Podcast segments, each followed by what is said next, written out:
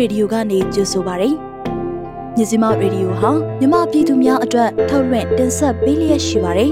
။ကျမတို့ရဲ့မြစီမရေဒီယိုကိုနေ့စဉ်ည6နာရီခွဲမှည9နာရီခွဲထိလိုင်းဒိုမီတာ16မီတာစက္ကန့်တသမခွန်3မဂါဟက်စ်ကနေပြီးတော့ဖမ်းယူနားဆင်နိုင်ပါပြီ။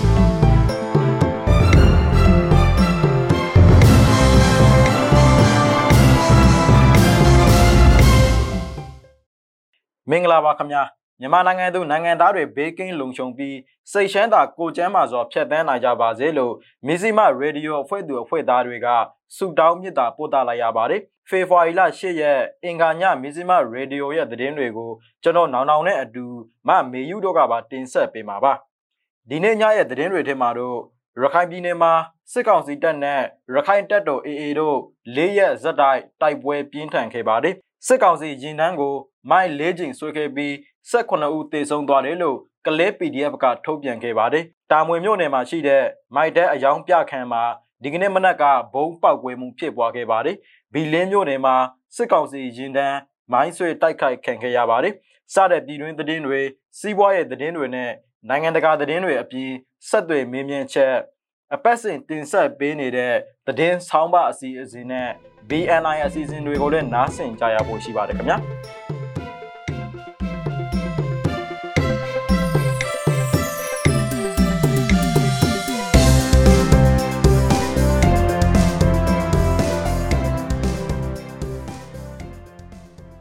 မင်္ဂလာပါရှင်ပြည်တွင်းသတင်းတွေကိုတော့ကျွန်မမေယူကစတင်တင်ဆက်ပေးပါတော့မယ်ရခိုင်ပြည်နယ်မှာစစ်ကောင်စီတပ်နဲ့ရခိုင်တပ်တော်လေးရက်ဆက်တိုက်တိုက်ပွဲပြင်းထန်နေတဲ့သတင်းကိုဦးဆုံးနာဆင်ရမှာပါရခိုင်ပြည်နယ်မောင်တော်မြို့နယ်မြောက်ပိုင်းမှာရခိုင်တပ်တော် AA နဲ့အာဏာသိမ်းစစ်ကောင်စီတပ်တို့ကြားမှာလေးရက်ဆက်တိုက်တိုက်ပွဲပြင်းထန်စွာဖြစ်ပွားနေကြောင်းဒေသခံတွေကပြောကြားပါတယ်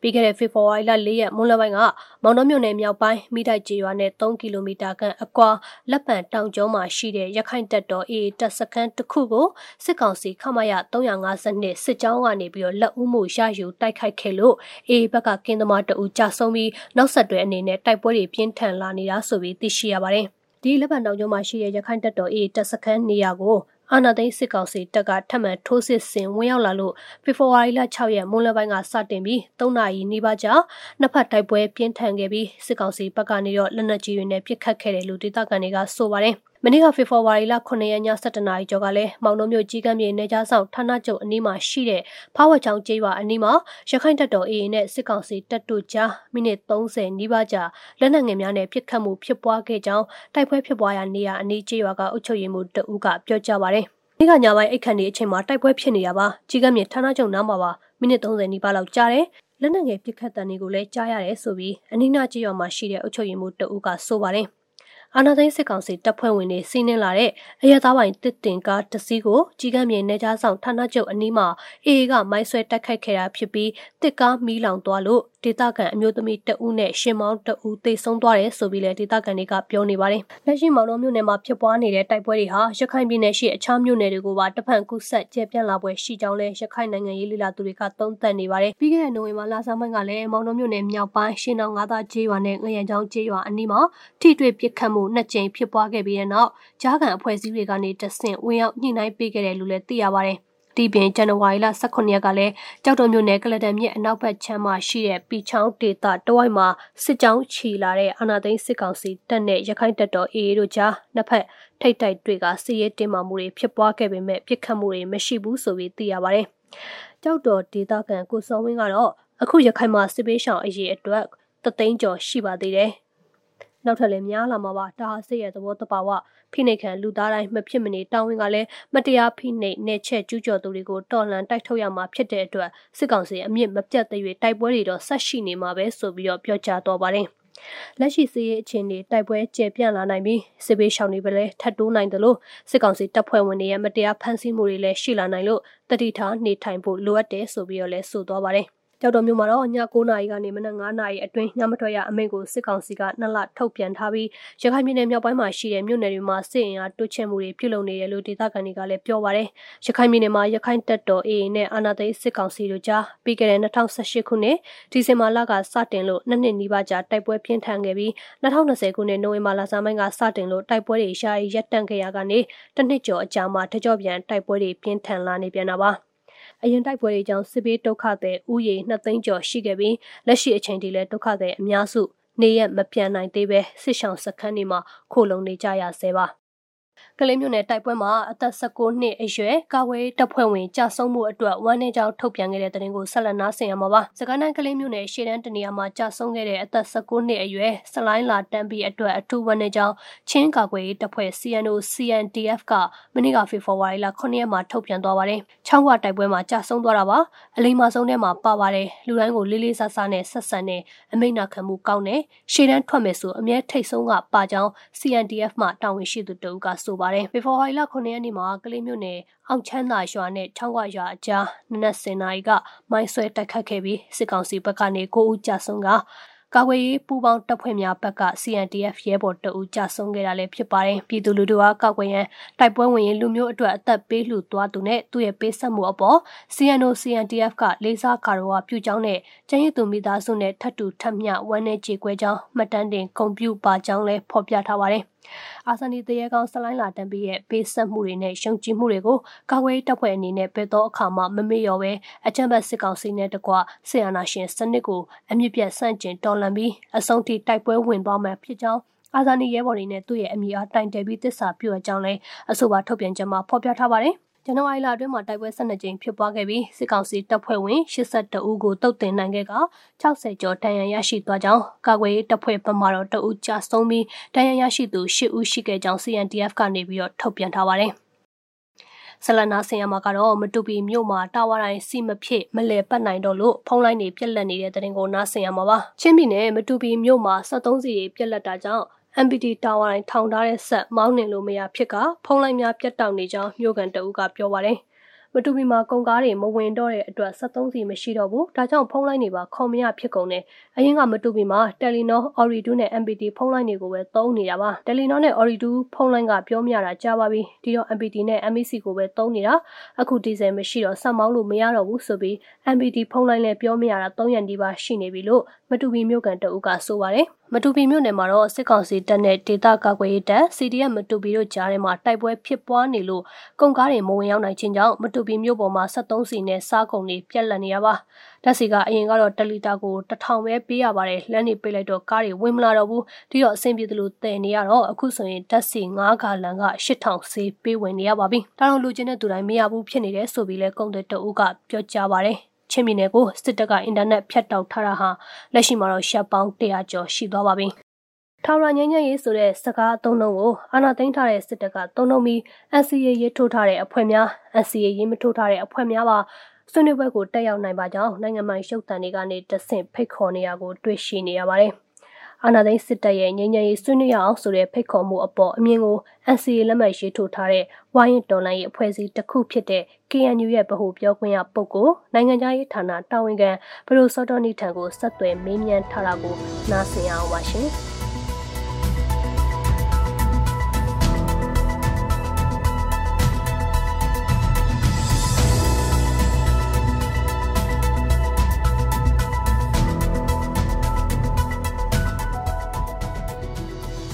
ဒီထောင်ရငြိမ်းချမ်းရေးဆိုတဲ့စကားအတုံးနှုံးကိုအာဏာသိမ်းထားတဲ့စစ်တပ်ကနေတုံ့နှုံနေပြီးတော့ဒီ NCA ရေးထိုးထားတဲ့အဖွဲ့တွေရော NCA ရေးမထိုးထားတဲ့အဖွဲ့တွေကိုပါဆွေးနွေးပွဲတက်ရောက်နိုင်ပါတယ်ဆိုပြီးတော့ဒါစစ်တပ်ဘက်ကနေနိုင်ငံပိုင်ရုပ်သံတွေကနေတဆင့်ဖိတ်ခေါ်နေရကိုတွေ့ရပါတယ်ရှင်။အာဏာသိမ်းစစ်တပ်ရဲ့ငြိမ်းချမ်းရေးဆွေးနွေးရအောင်ဆိုတဲ့ဖိတ်ခေါ်မှုအပေါ်အမြင်ကို KNU ဗဟိုပြောခွင့်ရပုဂ္ဂိုလ်အတယောက်အနေနဲ့ဗာများပြောကြားခြင်းပါသလဲရှင်။အော်အဲ့လိုငင်းငင်းဖြစ်ခေါ်မှုနဲ့ပတ်သက်ပြီးတော့ NC ကိုတွားညှို့တာဆိုတဲ့အတွက်ကျွန်တော် NC နဲ့ပတ်သက်ပြီးတော့သူတို့ကဟို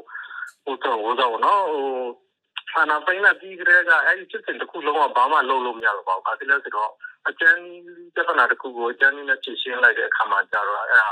ကျွန်တော်ရင်းရင်းစစ်စစ်တစ်ခုလုံးကိုဟိုဟိုအခြေခံမူကနေအစအကုန်ချိုးဖောက်လိုက်တဲ့အခါကျတော့ကျွန်တော်တို့နဲ့သူတို့နဲ့ဘယ်လိုမှဆက်ဆံလို့မရတော့ဘူး။အဲ့ဒါကြောင့်မို့သူတို့နဲ့စကားပြောကြအကြောင်းမရှိတော့ဘူးဆိုတော့ကျွန်တော်တို့ရှင်းရှင်းလေးပြောပြထားပြီးပါပြီနော်။ ဟုတ်ကဲ့ပါရှင်။ဒါဆိုပေါ့နော်ဆရာတို့ KNU အနေနဲ့တော့ဒီဆွေးနွေးပွဲကိုတက်ဖို့အစီအစဉ်မရှိဘူးလို့ပြောချင်တာလားရှင်။ဟုတ်ကဲ့မရှိပါဘူးခင်ဗျာ။ဒီအစည်းအဝေးကိုစစ်တပ်ကနေကျင်းပတယ်သူတို့အတွက်ဘယ်လိုမျိုးအကျိုးအမြတ်တွေရှိလာနိုင်မလဲနောက်ပြီးတော့ဒီအစည်းအဝေးအမှာပေါ့နော်ဒီအစည်းအဝေးကျင်းပခြင်းအပြင်ဘယ်သူတွေအတွက်အမြတ်ထွက်နိုင်မလဲဒါမျိုးလေးတွေသိချင်ပါတယ်ရှင်အ ကျွန်တော်တို့မြင်တာကတော့သူဘာလို့ဒီလောက်ဖြစ်နေဖဲကြီးမဲကြီးအသေးအံလုပ်နေရတယ်ဒီလောက်တော့ဒုက္ခရုပ်ဒုက္ခတွေဒီလောက်များနေတဲ့အခြေအနေတော်တွင်မှာအထူးသဖြင့်ဟိုနော်ဆရာတော်ပိုင်းရဲ့နောက်ပိုင်းတစ်နှစ်အတွင်းမှာ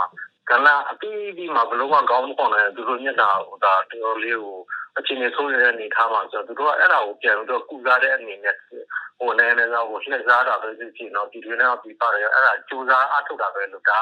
ဟိုတော့နော်ဟိုဒီ ဘယ်ပြောမလဲတော့တော်တော်လေးကိုအခြေအနေဆိုးနေအောင်မှာသူတို့ဘာဘာလို့လဲဆိုတော့နိုင်ငံနိုင်ငံရေးအခြေအနေပဲကြည့်လိုက်နော်နောက်တော့နိုင်ငံရေးတငင်းတမန်ကြီးမှာပဲကြည့်လိုက်ဘလို့မှဥစားဟိုဟိုအတာဘယ်လိုပြောမလဲသူတို့ကျတော့တော်တော်လေးဆိုးနေတဲ့အနေထားမှာရှိတယ်စီးပွားရေးဆိုလည်းပုံပေါက်ကြမရှိဦးဝီလေးတွေကနေတို့လည်းပြန်တက်လာကြအကြောင်းမရှိဘူးနောက်စီစီရေးတဲ့သွားကြည့်မလားအခုကလည်းတော်လန်ပကောနေတဲ့လူကနေအဆန့်ပြမှာနော်ဒီလောက်တော့ကြုံရစိမ့်နာတွေတတူကြီးလုံးမှာဖွင့်ရတဲ့အနေထားအောက်မှာသူက ဟိုရှင်းရှင်းလင်းပေါ်ပြနေလေသူတို့အနာဗိန်းနဲ့ဟာဘလို့မထိချုပ်နိုင်တော့မရှိဘူးတန်းပြည်ကူလုံးအဲဒီကမောင်းဝါနဲ့ရီမောင်းကတင်တဲ့ဟာကိုပြန်တော့ဟိုတော့မျက်နှာစာအောင်တော့မျက်နှာပန်းလာအောင်ပြန်တော့ထိန်းထိန်းပြန်ထိန်းနေတဲ့ဟိုပြန်ပြဥသာအပေါ်ရမ်းပြန်ပြတဲ့သဘောပါပဲဒါပေမဲ့ဘယ်လောက်ထိထိအောင်မရှိလဲဆိုတာတော့ကျွန်တော်တို့လည်းအကုန်လုံးပြီးပြီးသားပါကျွန်တော်တို့ထက်မှတော့ဒါတွေကတော့ဟိုဘလို့မှဟိုလက်သက်ခံနေကြအကြောင်းမရှိတော့ပါဘူးကျွန်တော်တို့မှလည်းရှိဆက်သွားမယ်လမ်းကြောင်းရှိရင်တော့ပေါ်ရထားပြီးသား တိချက်ကနော်ပြည်သူလူထုပြည်ပြန်ဆန္ဒဖြစ်တဲ့သူတောင်းဆိုမှုကတော့စစ်တပ်ဆိုတာနိုင်ငံရေးအလုံးဝဆုံးခွာပြီးတော့စစ်တပ်အလုပ်ပဲလုပ်ရမယ်ဒုတိယစိတ်ဖက်ဒရယ်ဒီမိုကရေစီကိုကျွန်တော်တို့သွားမယ်အဲကြောင့်မို့ကျွန်တော်တို့အခုဖြတ်တန်းမှုရဟိုကြုံတွေ့ရတဲ့အနေအထားပါလဲဆိုတော့ငင်းငင်းပေါ်ဆောင်တာပဲဖြစ်ဖြစ်နော်ဖက်ဒရယ်ဒီမိုကရေစီကိုသွားမယ်ဒါလည်းကျွန်တော်တို့အတွက်တကယ်ဆုံးရောက်လို့ဖြစ်နေတဲ့ဟာဒီစစ်တပ်ပဲဒီစစ်တပ်မရှိတော့ကျွန်တော်တို့ငင်းငင်းသွားတော့လည်းဘာမှဟိုတလောက်အခက်အခဲမရှိဘူးကျွန်တော်တို့ဖက်ဒရယ်ဒီမိုကရေစီတည်ဆောက်မှဆိုရင် ဒီစက်တာမရှိဘူးဆိုရင်တော့ကျွန်တော်တို့မှဒီလောက်တော့ပြဿနာကြီးကြီးရမရှိဘူးကျွန်တော်တို့ကြီးကြီးကြီးလွယ်လွယ်ဟိုအဲ့ဒါကြောင့်မို့ကျွန်တော်တို့ပြောချင်တာကတော့ကျွန်တော်တို့ရှေ့ဆက်သွားမယ်လမ်းကတော့ငြင်းငန်းပေါက်တောင်းကြည့်ရဆိုရင်နောက် Federal Democracy ကိုပြောချင်တာဆိုတော့ဒီစစ်တပ်ကိုပြရှင်းတော့ပါမယ်အဲ့ဒါမှကျွန်တော်လမ်းရှင်းတာအဲ့ကြောင့်လို့ကျွန်တော်တို့ကသွားပြရှိတာကိုသွားမယ်နောက်ဒီသူတို့ဖိတ်ရကိုလုံးဝနောက်ထောင်တာပဲရှိပါဟုတ်ကဲ့ပါရှင်ဆရာအခုလိုမျိုးဖြည့်ကြပေးတာကျေးဇူးအများကြီးတင်ပါတယ်ရှင်ဆရာဟုတ်ကဲ့ကျေးဇူးတင်ပါ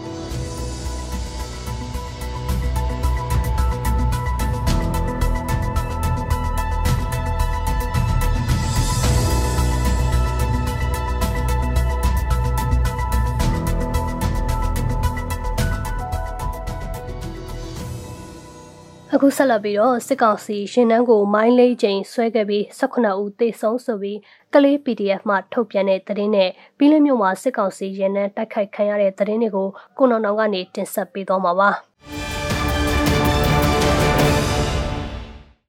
ဘီလင်းမြို့နယ်မှာစစ်ကောင်စီရင်တန်းမိုင်းဆွဲတိုက်ခိုက်ခံရတဲ့တဲ့တင်ကိုနားဆင်ရမှာပါမွန်ပြည်နယ်ဘီလင်းမြို့ရန်ကုန်မော်လမြိုင်ကားလက်မကြီးအာချလက်မကြီးပေါ်မှာစစ်ကောင်စီရင်9စီးကို ဖေဖော်ဝါရီလ9ရက်နေ့မနေ့ည7:00နာရီ17မိနစ်မှာမိုင်းဆွဲတိုက်ခိုက်ပြီးတော့လက်နက်ကြီးလက်နက်ငယ်တွေနဲ့ပစ်ခတ်တိုက်ခိုက်ခဲ့တယ်လို့ TPG အဖွဲ့ကပြောပါတယ်။အဲ့ဒီဂျင်းနဲ့ဟာတထုံမြို့ကနဲ့ဘီလင်းမြို့ကိုဥတေသွားနေတာဖြစ်ပြီးတော့ဒေသခံပျောက်ကြားတပ်ဖွဲ့တွေကကမာဆိုင်ကွက်တစ်ကျေးရွာအနီးမှာမိုင်း၃ချိန်ဆွဲကတိုက်ခိုက်ခဲ့တာပါ။အဲ့ဒီတော့တိုက်ခိုက်တဲ့အပြင် RPG 3လုံးအပါအဝင်လက်နက်ကြီးလက်နက်ငယ်တွေနဲ့ပစ်ခတ်ခဲ့ရာ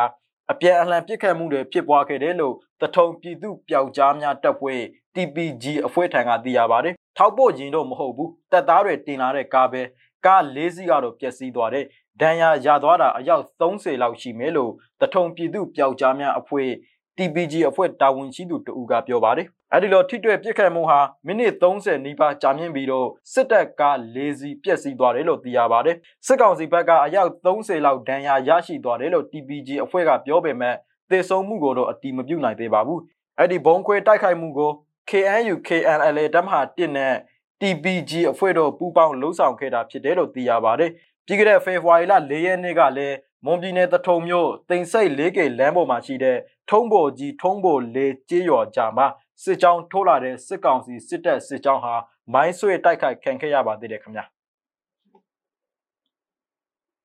ဆက်လက်ပြီးစစ်ကောင်စီရင်နှန်းကိုမိုင်း၄ကြိမ်ဆွဲတိုက်ခိုက်ခဲ့တဲ့အတွက်စစ်ကောင်စီတပ်ဖွဲ့ဝင်18ဦးသေဆုံးသွားတယ်လို့ကလေး PDF ကထုတ်ပြန်တဲ့သတင်းကိုနားဆင်ရမှာပါ။စကိုင်းတိုင်းကလေးမြို့နယ်အတွင်းရန်ကြီးအောင်ရွာကနေကလေးမြို့ကိုလာတဲ့ကား၆စီးပါတဲ့စစ်ကောင်စီရင်တန်းကိုဖေဖော်ဝါရီလ9ရက်နေ့မနေ့ကမိုင်း၄ကြိမ်ဆွဲပြီးတိုက်ခိုက်ခဲ့ရမှာစစ်ကောင်စီတပ်သား18ဦးသေဆုံးသွားတယ်လို့ပြည်သူ့ကာကွယ်ရေးတပ်ဖွဲ့ကလေးကထုတ်ပြန်ထားပါတယ်။အဲ့ဒီတိုက်ခိုက်မှုကိုပြည်သူ့ကာကွယ်ရေးတပ်ဖွဲ့ကလေး PDF ရှင်းအမျိုးသားကာကွယ်ရေးတပ်ဖွဲ့ CMDF ရှင်းကာကွယ်ရေးတပ်ဖွဲ့ကလေးကဘောဂန်ကို CDF KKG Ranger ကလေး Defense Force တပ်ဖွဲ့ဝင်တွေကပူပေါင်းတိုက်ခိုက်ခဲ့တာလို့သိရပါတယ်။အဲ့ဒီပူပေါင်းအဖွဲ့တွေကစစ်ရင်တန်းကိုအောက်ချမ်းသာရွာနဲ့ချောင်းခွရွာအကြားမှာမနက်10:00နာရီမိနစ်30အချိန်ကစတင်မိုင်းဆွဲတိုက်ခိုက်ခဲ့တာဖြစ်ပြီးတော့စစ်ကောင်စီတပ်သား9ဦးသေဆုံးသွားတယ်လို့ဆိုပါတယ်။အဲ့ဒီတိုက်ခိုက်မှုမှာပြည်သူ့ကာကွယ်ရေးတပ်ဖွဲ့ဖက်က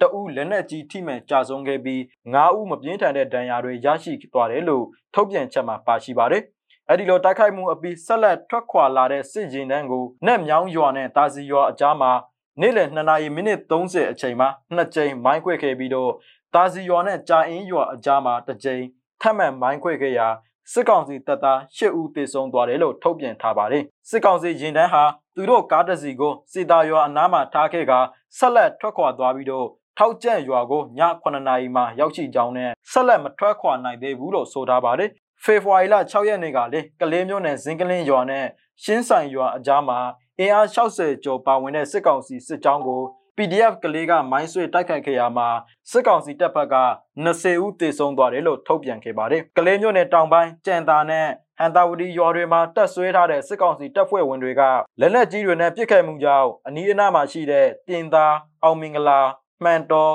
ချားဖို့နဲ့ကြောက်ဖူးရွာတွေမှာရှိတဲ့အင်ရှေ3000ကျော်ကပြည်သူတွေဟာထွက်ပြေးတင်းချောင်နေရပြီးတော့အရေးပေါ်ကေဆယ်ရေးပစ္စည်းတွေလိုအပ်နေကြောင်းလဲဒေတာခန့်တွေစီကသိရပါတယ်ခင်ဗျအခုဆက်လက်ပြီးတော့တာမွေမြို့နယ်မှာရှိတဲ့မိုက်ထဲအယောင်ပြခန်းဘုံပေါက်ကွဲတဲ့တရင်ကိုဆက်လက်နားဆင်ရမှာပါရေကုန်တိုင်းတာမွေမြို့နယ် တာမွေမီးပွိုင်အနီးမှာရှိတဲ့မိုက်ထဲအယောင်ပြခန်းကိုဒီကနေ့ဖေဖော်ဝါရီလ6ရက်နေ့မနက်9:00နာရီမိနစ်30အချိန်မှာဗမာလူငယ်ကွန်ရက်အဖွဲ့ကဘုံဖောက်ခွဲမှုပြုလုပ်ခဲ့တယ်လို့သိရပါတယ်လူထိခိုက်မှုတော့မရှိဘူးဗျမိဆက်အကြီးတစ်လုံးနဲ့ CCTV တစ်လုံးတော့ပြတ်တယ်လို့လောလောဆယ်ကြားရပါတယ်လက်တလော့ဆိုင်ပိတ်ထားတယ်လို့သိရပါတယ်လို့အဲ့ဒီအဖွဲ့တာဝန်ရှိသူကပြောပါတယ်စစ်ကောင်စီနဲ့သက်ဆိုင်တဲ့စီးပွားရေးလုပ်ငန်းတွေအပြင်ပတ်သက်ဆက်နွယ်နေတဲ့အနှွေဝင်တွေအားလုံးကို အပြည့်သက်တုံ့ပြန်နိုင်ဖို့ကြိုးပမ်းသွားမှာဖြစ်တယ်လို့လည်းဗမာလူငယ်ကွန်ရက်အဖွဲ့ကထုတ်ပြန်ထားပါတယ်ခင်ဗျာကျမတို့ရဲ့မြစီမရေဒီယိုကိုနေ့စဉ်ညနေ6နာရီခွဲမှ9နာရီခွဲအထိတိုင်းတူမီတာ16မီတာ7.3တက်မှခွန်3 MHz ကနေပြီးဖမ်းယူနိုင်စင်နိုင်ပါပြီ။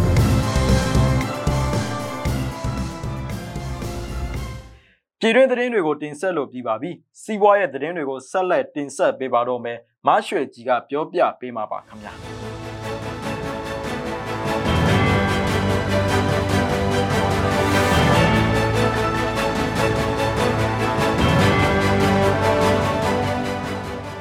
ဖေဖော်ဝါရီလအတွင်း COVID-19 ကာကွယ်ဆေးအားစမ်းသပ်ထုတ်လုပ်သွားမည်ဖြစ်ကစမ်းသပ်ထုတ်လုပ်မှုပြီးပါကတလလျင်ကာကွယ်ဆေးတသန်းထုတ်လုပ်သွားမယ်လို့မြမဆေးဝါးလုပ်ငန်းမှသိရပါဗျ။ လက်ရှိအချိန်မှာဆေးဝါးစက်ရုံကရွာသားကြီးမှာကိုဗစ်ကာကွယ်ဆေးထုတ်ဖို့စီစဉ်နေပြီးလိုအပ်တဲ့ဆက်နဲ့ဆက်ပစ္စည်းတွေတခြားလိုအပ်တဲ့အထောက်အကူပစ္စည်းတွေကိုလည်းဝယ်ယူဖြစ်တင်ပြီးဖြစ်ကယခုဖေဖော်ဝါရီလထဲမှာစမ်းသပ်ထုတ်လုပ်တဲ့အဆင့်ကိုစတင်ပါမယ်လို့မြမဆေးဝါးလုပ်ငန်းမှဦးဆောင်ညွှန်ကြားရေးမှူးကပြောပါရယ်။စမ်းသပ်ထုတ်လုပ်တဲ့အဆင့်ပြီးပါကတလလျင် COVID-19 ရောဂါကာကွယ်ဆေး dose တသန်းကိုထုတ်လုပ်သွားမည်ဖြစ်ကစုစုပေါင်း10သန်းအထိထုတ်လုပ်သွားမယ်လို့သိရပါဗျ။ဈေးနှုန်းသက်သာမည်ဆိုပေမဲ့ ဘလောက်ထိသက်သာမယ်ဆိုတာကတော့အတိအကျမသိရသေးကြောင်း COVID-19 ကာကွယ်ဆေးထုတ်လုပ်ပြီးပါကပြန့်ပြူးမှုစနစ်နဲ့ကျန်းမာရေးဝန်ကြီးဌာနတစ်ခုတည်းကိုသာဓာတ်ရိုက်ရောင်းချပေးသွားမည်ဖြစ်ကကျန်းမာရေးဝန်ကြီးဌာနမှ COVID-19 ရောဂါကာကွယ်ဆေးထိုးလုပ်ငန်းများအားဆက်လက်လုပ်ကိုင်သွားမည်ဖြစ်ကြောင်းသိရပါဗျ။2021ခုနှစ်ဒီဇင်ဘာလကုန်ထိမွေးမြူရေးနဲ့ရေလုပ်ငန်းကဏ္ဍမှာမြန်မာနိုင်ငံသားများကကျပ်413ဘီလီယံကျော်မြုပ်နှံထားပြီး စုစုပေါင်းနိုင်ငံသားယင်းနှမြုပ်နှံမှုရဲ့1.83ရာခိုင်နှုန်းသာရှိကြောင်းစစ်ကောင်စီရဲ့ယင်းနှမြုပ်နှံမှုနဲ့ကုန်သွယ်များညွှန်ကြားမှုဦးစီးဌာနမှသိရပါဗျ။2019-2020ဘဏ္ဍာနှစ်တစ်နှစ်အတွင်းမြန်မာနိုင်ငံသားယင်းနှမြုပ်နှံမှုလုပ်ငန်းအသစ်130ကိုခွင့်ပြုခဲ့ပြီးစုစုပေါင်းယင်းနှမြုပ်နှံမှုပမာဏဒေါ်လာ413သန်းကျော်အပါအဝင်ကျပ်1881ဘီလီယံကျော်ခွင့်ပြုခဲ့ကြောင်းမြန်မာနိုင်ငံယင်းနှိမ့်မြုပ်နှံမှုကော်မရှင်မှသိရပါဗျ။အခြားတစ်ဖက်မှာတော့ တီလဝါထူးစီးပွားရေးဆောင်မှာနိုင်ငံခြားယင်းနှိမ့်မြုပ်နှံမှုလုပ်ငန်း၈ခုရဲ့ယင်းနှိမ့်မြုပ်နှံမှုပမာဏဒေါ်လာ163တက်သက်မှနှစ်ခွန်ခွန်တန်ခွင့်ပြုခဲ့တာကြောင့်2019-2020ဘဏ္ဍာနှစ်အတွင်းနိုင်ငံခြားယင်းနှိမ့်မြုပ်နှံမှုခွင့်ပြုပမာဏမှာဒေါ်လာ9.689ဘီလီယံခွင့်ပြုခဲ့ကြောင်းမြန်မာနိုင်ငံယင်းနှိမ့်မြုပ်နှံမှုကော်မရှင်ရဲ့2019-2020ဘဏ္ဍာနှစ်လုပ်ငန်းဆောင်ရွက်မှုအခြေအနေများနဲ့ဆက်လျင်းတဲ့အစီရင်ခံစာအကျဉ်းချုပ်မှာဖော်ပြထားပါတယ်။မွေးမြူရေးနဲ့ရေလုပ်ငန်းကဏ္ဍထုတ်လုပ်မှုကဏ္ဍ တပ်တုနဲ့ဝန်ဆောင်မှုကဏ္ဍများမှာယင်းနှိမ့်မြုပ်နှံမှုလုပ်ငန်းအသစ်10ခုကို MIC ကခွင့်ပြုလိုက်ကြောင်းသိရပါတယ်။ဆောင်ရွက်ဆဲယင်းနှိမ့်မြုပ်နှံမှုလုပ်ငန်း5ခုရဲ့မတင်ငွေရင်းတွန်းမြင့်ခြင်းအပါအဝင်မွေးမြူရေးနဲ့ရေလုပ်ငန်းကဏ္ဍကုန်ထုတ်လုပ်မှုကဏ္ဍတပ်တုနဲ့ဝန်ဆောင်မှုကဏ္ဍများမှာလုပ်ငန်း10ခုကိုခွင့်ပြုခဲ့ခြင်းဖြစ်ပါတယ်။စစ်တပ်အာဏာသိမ်းတဲ့တနှစ်တာကာလအတွင်းဗန်ဒီပုံမှန်မလဲပတ်နိုင်သေးတဲ့အတွက်ကြောင့်စီးပွားရေးလုပ်ငန်းတွေပုံမှုအခက်ကြုံနေရတယ်လို့စီးပွားရေးလုပ်ငန်းရှင်တွေကပြောပါတယ်။ အာဏာသိမ်းစစ်ကောင်စီဟာအာဏာသိမ်းယူပြီးနောက်ဗန်တွေကနေငွေကြေးအလွယ်တကူထုတ်ယူလို့မရအောင်ကန့်သတ်မှုမျိုးစုံပြုလုပ်ခဲ့တာဖြစ်ပြီးလက်ရှိအချိန်ထိကန့်သက်ချက်တွေကိုဖြေလျှော့ပေးတာမရှိသေးပါဘူး။စစ်ကောင်စီရဲ့ဗန်ဝင်ဆောင်မှုကန့်သက်ချက်တွေကြောင့်စီးပွားရေးလုပ်ငန်းတွေလဲပတ်ဖို့အခက်ကြုံနေရပြီးငွေကြေးထုတ်ယူရမှလည်းရာဂိုင်နှုန်းအမျိုးမျိုးပေးပြီးထုတ်ယူနေကြရပါတယ်။ဒါကြောင့်စစ်ကောင်စီရဲ့လုပ်ရဟာခေတ်နောက်ပြန်ဆွဲတဲ့ပုံစံမျိုးဖြစ်တယ်လို့စီးပွားရေးလုပ်ငန်းရှင်တူကပြောပါတယ်။ စစ်ကောင်စီရဲ့ဗန်ဝင်ဆောင်မှုကန့်သက်ချက်ကြောင့်လုပ်ငန်းတွေလည်းပတ်ဖို့ခက်ခဲလာသလိုလုပ်ငန်းတချို့ရနာခဲ့ရတာတွေလည်းရှိနေပါတယ်။ဘဏ်တွေကတော့တုံကင်မလို့ပဲငွေထုတ်နိုင်မဲ့ဘဏ်ခွဲတွေကိုတိုးချဲ့လာပေမဲ့လက်ရှိချိန်ထိဘဏ်တွေမှာငွေကြေးထုတ်ယူရမှာအကန့်အသတ်များဆက်လက်ရှိနေသေးကြောင်းသိရပါတယ်။စစ်ကောင်စီကအာဏာသိမ်းပြီးနောက်တနစ်ကျော်ကာလအထိဘဏ်ဝင်ဆောင်မှုလုပ်ငန်းတွေအပြည့်အဝမလည်ပတ်နိုင်သေးသလို ATM ဆက်တွေမှာလည်းငွေကြေးမထည့်နိုင်တာ အခုဆိုရင်ဆယ်လာနီးပါးကြာမြင့်နေပြီပဲဖြစ်ပါတယ်။စားသုံးစီတင်သွင်းမှုဖြန့်ဖြူးမှုတိုးလောင်မှုဈေးကွက်တင်ရောင်းဝယ်ဖောက်ကားမှုလုပ်ငန်းစဉ်တစ်လျှောက်မှာဈေးကစားလိုတဲ့လှုပ်ဆောင်မှုများနဲ့မတမာတဲ့ရည်ရွယ်ချက်နဲ့ရောနောရောင်းချမှုများရှိလာပါကအရေးယူနိုင်ရေးအတွက်ဆောင်ရွက်သွားမည်ဖြစ်ကြောင်းစစ်ကောင်စီရဲ့စီးပွားရေးနဲ့ကုသရေးဝန်ဝင်ကြီးဌာနရဲ့အမိန့်ကြေညာစာအမှတ်အရသိရပါဗျ။ပြည်တွင်းမှာစားသုံးစီထုတ်လုပ်မှုမှာဖူလုံမှုမရှိတာကြောင့် နှစ်စဉ်ပြည်ပနိုင်ငံများမှတင်သွင်းနေရပြီးအဆိုပါပြည်ပမှတင်သွင်းလာတဲ့စားသုံးစီများအရေးသွေးပြည့်မီရေးစားသုံးသူပြည်သူများဘေးရန်နဲ့ကင်းရှင်းစွာစားသုံးနိုင်ရေးနဲ့ဈေးနှုန်းတည်ငြိမ်စွာနဲ့ဝယ်ယူနိုင်ရေးတို့ကိုကြီးကြပ်ကွက်ကဲခြင်းများပြုလုပ်နိုင်ရန်အတွက်ကော်မတီကိုဖွဲ့စည်းခဲ့ကြောင်းယခုအခါပြည်ပမှတင်သွင်းနေရတဲ့စားသုံးစီတင်သွင်းတိုးလောင်ဖြန့်ဖြူးခြင်းကဏ္ဍကိုပုံမထိရောက်စွာထိန်းချောင်းကင်တွယ်ဖြည့်ရှင်းနိုင်ဖို့အတွက် စားသုံးစီတင်သွင်းတိုးလောင်ဖြန့်ဖြူးခြင်းလုပ်ငန်းကြီးကြပ်ရေးကော်မတီကိုပြင်ဆင်ဖွဲ့စည်းခဲ့ခြင်းဖြစ်ကြောင်းသိရပါဗျ။တင်မောမှစီများစီတိုးလောင်ကန်တို့ထည့်သွင်းနေစဉ်အတွင်းတနိုင်နှင့်တစ်ချိန်နမူနာရယူပြီးမျက်မြင်စစ်ဆေးရန်အစားအသောက်နဲ့ဆေးဝါးကုတ်ကဲရဲ့ဦးစီးဌာန FDA မှအများပြည်သူစားသုံးရန်တင်လျော်ကြောင်းထောက်ခံချက်ရရှိပြီးမှသာစီတိုလောင်ကန်မှဈေးကွက်များသို့ဖြန့်ဖြူးထုတ်ပေးစေရေးကြက်မှတ်ဆောင်ရွက်သွားရန်စားတဲ့ချက်များကိုတာဝန်ယူဆောင်ရွက်သွားမှာဖြစ်ကြောင်းသိရပါဗျ။ အဆိုပါကော်မတီမှအဖွဲ့ဝင်များအဖြစ်ကုန်သွယ်ရေးဦးစီးဌာနစားသုံးသူရေးရာဦးစီးဌာနမြန်မာနိုင်ငံစီကုန်တဲ့နဲ့စီလုပ်ငန်းရှင်အသင်းတို့မှတာဝန်ရှိသူများပါဝင်ပြီးဆောင်ရွက်သွားမည်ဖြစ်ကြောင်းသိရပါဗျ။အခုတင်ဆက်ပေးခဲ့တာကတော့နောက်ဆုံးရစီးပွားရေးသတင်းအကြောင်းအရာတွေပဲဖြစ်ပါတယ်။ဒီကနေ့ရဲ့တင်ဆက်မှုကိုဒီလောက်နဲ့ပဲရနာပြစေရှင်။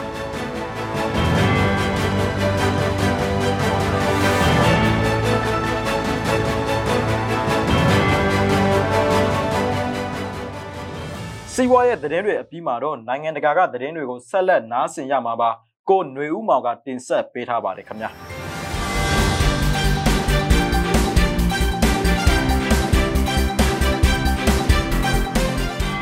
နေတိုးရဲ့အရှိတ်နေဆက်ရှိထင်းရှူးပင်တွေနဲ့နှင်းတွေအေးခဲနေတဲ့နယ်မြေအတွင်းပုံမှန်လှုပ်ဆောင်နေကြစေးလေးချင်းမှုဟာယခုနှစ်အတွက်တော့ရုရှားနဲ့အနောက်အုပ်စုကြားတင်းမာမှုတွေမြင့်တက်နေချိန်နဲ့တိုက်ဆိုင်နေပါတယ်။ ရုရှားနယ်စပ်ကနေကီလိုမီတာ100ပဲကွာဝေးတဲ့အက်စတိုးနီးယားအရှေ့မြောက်ပိုင်းရှိစောင်းရာသီစခန်းအနီးစစ်ရေးလေ့ကျင့်မှုမှာဗြိတိန်အက်စတိုးနီးယားနဲ့ပြင်သစ်တပ်ဖွဲ့ဝင်1300ပါဝင်ခဲ့ပါတယ်။ယူကရိန်းတဝိုက်မှာရုရှားကတပ်ဖွဲ့ဝင်အင်အားအများပြားချထားပြီးပိုလန်နဲ့ဘော်လ်တစ်နိုင်ငံတွေဖြစ်တဲ့အက်စတိုးနီးယား၊လက်ဗီးယားနဲ့လစ်သူယေးနီးယားတို့လို EU နဲ့ NATO အဖွဲ့ဝင်နိုင်ငံတွေကနေ NATO တပ်ဖွဲ့တွေစုတ်ခွာပေးဖို့ရုရှားကတောင်းဆိုထားပါတယ်။ အက်စတိုးနီးယားနဲ့ရုရှားနယ်နိမိတ်မှာချင်းချောက်မှုတွေမရှိပေမဲ့လူဦးရေ1.3သန်းနေထိုင်ရာတချိန်ကဆိုဗီယက်နိုင်ငံဟောင်းဟာဥရောပအလဲပိုင်းနဲ့အရှေ့ဥရောပနိုင်ငံတွေနီးတူစိုးရိမ်ပူပန်မှုတွေရှိနေပါတယ်။ယူကရိန်းမှာဖြစ်ပျက်နေတာတွေကိုကျွန်တော်တို့ကောင်းကောင်းသိပေမဲ့ပုံမှန်လုပ်နေကြအတိုင်းပဲလုပ်တာပါ။ကျွန်တော်တို့ရဲ့ကာကွယ်ရေးကိုအစစ်မြင့်တင်ဖို့မလိုအပ်သေးပါဘူးလို့အက်စတိုးနီးယားတပ်မှူးအန်ဒရက်စ်မာရီလိုကပြောကြားခဲ့ပါတယ်။ရုရှားရဲ့ကျူးကျော်မှုကိုမကြောက်ပါဘူး ဒါပေမဲ့အဲ့ဒီအိမ်ကြီးချင်းကအန်ရပေးလာနိုင်တာကိုနားလည်ထားပြီးရန်လိုမှုမှန်သမျှကိုတံပြန်ဖို့အဆင်သင့်ပါပဲလို့မာရီလိုကဆိုပါတယ်တရုတ်တင်းနစ်အကျော်အမော်ဖန်ရှုအိုင်ကသူမအနေနဲ့လိမ်မိုင်းဆိုင်ရာစော်ကားမှုပြုခံရကြောင်းမြည်သူကမှမဆွတ်ဆဲခဲ့ပဲဒါဟာကြီးမားတဲ့နားလည်မှုလွဲမှားခြင်းဖြစ်တယ်လို့ February လ9ရက်တနင်္လာနေ့ကပြောကြားလိုက်ပြီးသူမရဲ့ပြောဆိုမှုတွေကိုပြန်လည်ရုပ်သိမ်းပါတယ်လို့ဆိုပါတယ်။ တရုတ်ဒုဝန်ကြီးဟောင်းကျောင်းကျလီဟာသူမနဲ့တနစ်ကြာဆက်ဆံရေးအတွင်းလိမ်မိုင်းဆိုင်ရာအတင်းကျပ်စေခိုင်းခဲ့ကြောင်းနိုဝင်ဘာလအတွင်းကကမ္ဘာနံပါတ်1နှစ်ထပ်ကွမ်းချန်ပီယံဟောင်းက social media post တစ်ခုမှာဆွဆွဲခဲ့ပါတယ်။ post ကိုချက်ချင်းဖျက်ပစ်ခံလိုက်ရတယ်လို့ဖန်ကိုလည်းသတင်းသုံးဘက်နှီးပါးကြာအောင်သတင်းအစနာမကြားရတော့တဲ့အတွက်သူမရဲ့လုံခြုံရေးနဲ့ပတ်သက်ပြီးတကဘာလုံးကစိုးရိမ်ပူပန်မှုတွေဖြစ်ပေါ်လာခဲ့ပါတယ်။ အဲဒီနောက်ပိုင်းသူမကိုလူသိရှင်ကြားအခမ်းအနားတချို့မှာတွေ့မြင်ကြရပြီးဆွတ်ဆွဲမှုကိုညှင်းဆိုခဲ့ပါတယ်။ကျမကိုတူဦးတယောက်ကလိမ်မိုင်းဆိုင်ရာစော်ကားခဲ့တယ်လို့ဘယ်တော့မှမပြောခဲ့ဘူးပါဘူးလို့ဖန်ကပြင်သစ်အားကစားနေ့စဉ် L Equus Journal ကိုဒီဇင်ဘာလမှာပြောကြားခဲ့ပြီးအလားတူမှတ်ချက်မျိုးကိုစင်ကာပူသတင်းစာတစ်ခုကိုလည်းထပ်လောင်းပြောကြားခဲ့ပါတယ်။အသက်36နှစ်အရွယ်ရှိပြီဖြစ်တဲ့သူမဟာတရုတ်မှာ Twitter နဲ့တူတဲ့ Weibo application ကနေအဆိုပါဆွဆွဲချက် post ကိုသူမကိုယ်တိုင်ဖျက်ပစ်ခဲ့တာဖြစ်တယ်လို့ဆိုပါတယ်။အာဏာရကွန်မြူနစ်ပါတီကိုဝေဖန်ခဲ့မှုနဲ့ပတ်သက်ပြီးအကဲဆက်တဲ့တရုတ်ရဲ့တင်းကျပ်တဲ့အင်တာနက်စင်ဆာတွေကအဲ့ဒီ post ကိုဖယ်ရှားလိုက်တာဖြစ်တယ်လို့ကြဲကြဲပြန့်ပြန့်တန်တရားရှိခဲ့ကြပါတယ်။ L Equus သတင်းစာကသူမဘာကြောင့်ဖျက်လိုက်တာလဲလို့မေးတဲ့မေးခွန်းကိုကျမဖျက်ချင်လို့ပါလို့ဖြေကြားခဲ့ပါတယ်။ ဒီ post ကိုရေးလိုက်တဲ့အတွက်ပြင်ပကမ္ဘာမှာအထင်အမြင်လွဲမှားမှုတွေကြီးကြီးမားမားရှိခဲ့တယ်လို့ဘေကျင်းဆောင်းရာသီအိုလံပစ်ဘူပေါင်းအတွင်းကအင်တာဗျူးတစ်ခုမှာသူမကပြောကြားခဲ့ပါတယ်။ဒီ post ရဲ့အတိတ်ဘက်ကိုထပ်မလိမ်ကျင်တော့ဘူး။နောက်ပြီးမီဒီယာတွေနဲ့ပတ်သက်ပြီးထက်ခါထက်ခါဖောင်ဖွဲ့နေတာမျိုးလည်းမဖြစ်စေချင်ဘူးလို့သူမကဆိုပါတယ်။ ဖန်ဟာသူမရဲ့ professional ဘဝကနေအနားယူပြီးပြီဖြစ်ကြောင်းသူမရဲ့ဒဏ်ရာအတွက်ကက်ယောဂါကာလအတွင်းခရီးသွားလာမှုနဲ့ကုသမှုအတွက်အဟံတားဖြစ်ခဲ့ရမှုအပေါ်ရည်ညွှန်းပြီးပြောဆိုခဲ့ပါတယ်။ဆိုင်ကလုန်းမုန်တိုင်း Best Ride ဟာမဒါဂတ်စကာကိုညတွင်ချင်းဝင်ရောက်တိုက်ခတ်ခဲ့ရမှာအနည်းဆုံးလူ10ဦးသေဆုံးပြီး 4800နီးပါးအိုးအိမ်စွန့်ခွာထွက်ပြေးခဲ့ရကြောင်းအမျိုးသားတဘာဝဘေးအန္တရာယ်စီမံခန့်ခွဲမှုအေဂျင်စီကဖေဖော်ဝါရီလ6ရက်တနင်္ဂနွေနေ့ကပြောကြားလိုက်ပါတယ်။ဆိုင်ကလုန်းမုန်တိုင်းဟာနောက်ပိုင်းမှာအားပြော့သွားပေမဲ့ဒီနှစ်အတွက်အစောဆုံးအပူပိုင်းမုန်တိုင်းတစ်ခုအဖြစ်နဲ့အိန္ဒိယသမုဒ္ဒရာအတွင်းကဆင်းရဲတဲ့ကျွန်းနိုင်ငံကိုပျက်စီးဆုံးရှုံးမှုတွေဖြစ်စေခဲ့ပါတယ်။ တစ်ပင်များလဲကျခြင်းအစာအုပ်များပြိုကျခြင်းနဲ့၎င်းရဲ့လမ်းတစ်လျှောက်မှာရှိတဲ့ဒေသခံတွေရဲ့အိမ်အမိုးတွေကိုမှုန်တိုင်းကဖျက်ဆီးပစ်ခဲ့တယ်လို့သတင်းတောက်တွေကဆိုပါတယ်။မှုန်တိုင်းမိုးရွာသွန်းမှုကြောင့်နိုင်ငံနဲ့တဝမ်းရေကြီးရေရှမ်းမှုတွေဖြစ်ပေါ်လာနိုင်ကြောင်းမဒါဂတ်စကာမိုးလေဝသဌာနကတနင်္ဂနွေနေ့မှာသတိပေးချက်ထုတ်ပြန်ထားပါတယ်။ Best Ride ဟာပြင်းထန်တဲ့အပူပိုင်းဆိုင်ကလုန်းမှုန်တိုင်းအဖြစ်စနေနေ့နှောင်းပိုင်းမှာကုန်းတွင်းပိုင်းကိုဝင်ရောက်ခဲ့ပြီးတနအီလေးတိုင်တော့165ကီလိုမီတာအထိရှိနိုင်ကြောင်းနဲ့ နိုင်ငံရဲ့သဘာဝဘေးအန္တရာယ်စီမံခန့်ခွဲရေးအေဂျင်စီက AFP ကိုပြောကြားခဲ့ပါတယ်။တည်ဆုံးသူ10ဦးရှိတယ်လို့အရေးပေါ်စီမံခန့်ခွဲရေးအေဂျင်စီကပြောကြားခဲ့ပေမဲ့အသေးစိတ်အချက်လက်တွေကိုတော့ထုတ်ပြန်ခဲ့ခြင်းမရှိပါဘူး။ဒါပေမဲ့စိုးစိုးရွားရွားပျက်စီးနိုင်ခြေကိုသတိပေးခဲ့တဲ့အမျိုးသားမိုးလေဝသရုံးက Best Right မုန်တိုင်းအားလျော့သွားပြီဖြစ်ကြောင်းတင်းနှင်းငွေနေ့ကပြောကြားခဲ့ပါတယ်။ဆိုင်ကလုန်းမုန်တိုင်းရဲ့ပြင်းပြလေးတိုင်နှုန်းဟာတနအီကို80ကီလိုမီတာအထိ ထက်ဝက်နီးပါးရော့ကျသွားခဲ့တာဖြစ်ပြီးအပြင်းထန်ဆုံးလေပြင်းများအဖြစ်စံချိန်တင်ခဲ့တဲ့တနအီ235ကီလိုမီတာနှုန်းတိုက်ခတ်ခဲ့တဲ့လေပြင်းတွေဟာကုန်းတွင်းပိုင်းကိုဝင်ရောက်ချိန်မှာ110ကီလိုမီတာအထိကျဆင်းသွားခဲ့တယ်လို့ဆိုပါတယ်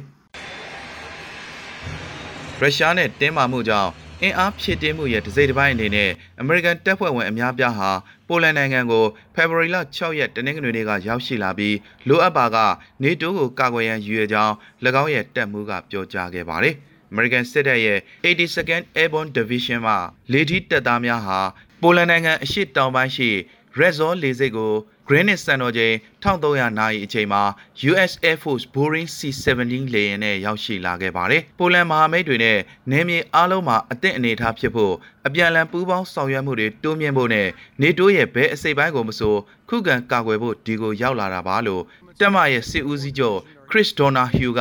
လေးစိတ်မှာသတင်းတောက်တွေကိုပြောကြားခဲ့ပါတယ်။ဒီတက်ဖြတ်မှုဟာစစ်ပွဲကိုစုပေါင်းကာကွယ်ဖို့တည်ကြတဲ့အစီအမံတစ်ခုပါ။အခွင့်အရေးအရာခုခံကာကွယ်တာဖြစ်ပါတယ်လို့ဒေါ်နာဟီယိုကဆိုပါတယ်။ယူကရိန်းနယ်စပ်မှာရှိတဲ့တပ်တွေဆုတ်ခွာသွားအောင်ရုရှားကိုတွန်းအားပေးတဲ့ကြိုးပမ်းမှုတစ်စိတ်တစ်ပိုင်းအနေနဲ့ဂျာမနီနဲ့အရှေ့ဥရောပမှာနောက်ထပ်အမေရိကန်တပ်ဖွဲ့ဝင်3000ကိုဖြန့်ကျက်ချထားကြောင်းအမေရိကန်ကပြီးခဲ့တဲ့သတင်းပတ်ကကြေညာခဲ့ပါတယ်။နေတိုးရဲ့အရှေ့ဘက်ခြမ်းမှာရှိတဲ့ ပိုလန်အရှေ့တောင်ပိုင်းမှာအမေရိကန်စစ်သည်1900ကိုအခြေစိုက်တပ်ဖြန့်ထားမယ်လို့ပိုလန်ကာကွယ်ရေးဝန်ကြီးမာရီယူဘလက်ဂျက်ကဆိုပါတယ်။ယူကရိန်းနဲ့နယ်နိမိတ်ချင်းထိစပ်နေတဲ့ကွန်မြူနစ်အစုအဖွဲ့ဟောင်းဖြစ်တဲ့ပိုလန်ဟာ1996ခုနှစ်မှာနေတိုးအဖွဲ့ကိုဝင်ရောက်ခဲ့ပြီးအမေရိကန်တပ်ဖွဲ့ဝင်4500ကိုအလဲကျအခြေစိုက်ခွင့်ပေးထားပြီးဖြစ်ပါတယ်။နောက်တိုးရောက်ရှိလာမဲ့တပ်ဖွဲ့တွေအတွက်ကြိုတင်ပြင်ဆင်မှုတွေကိုပြီးခဲ့တဲ့သတင်းပတ်ကလေးကကြိုတင်လှုပ်ဆောင်ထားခဲ့ပြီးစစ်တီတချို့စနေနေ့ကစတင်ရောက်ရှိလာခဲ့တယ်လို့ဘလက်ဂျက်ကဆိုပါတယ်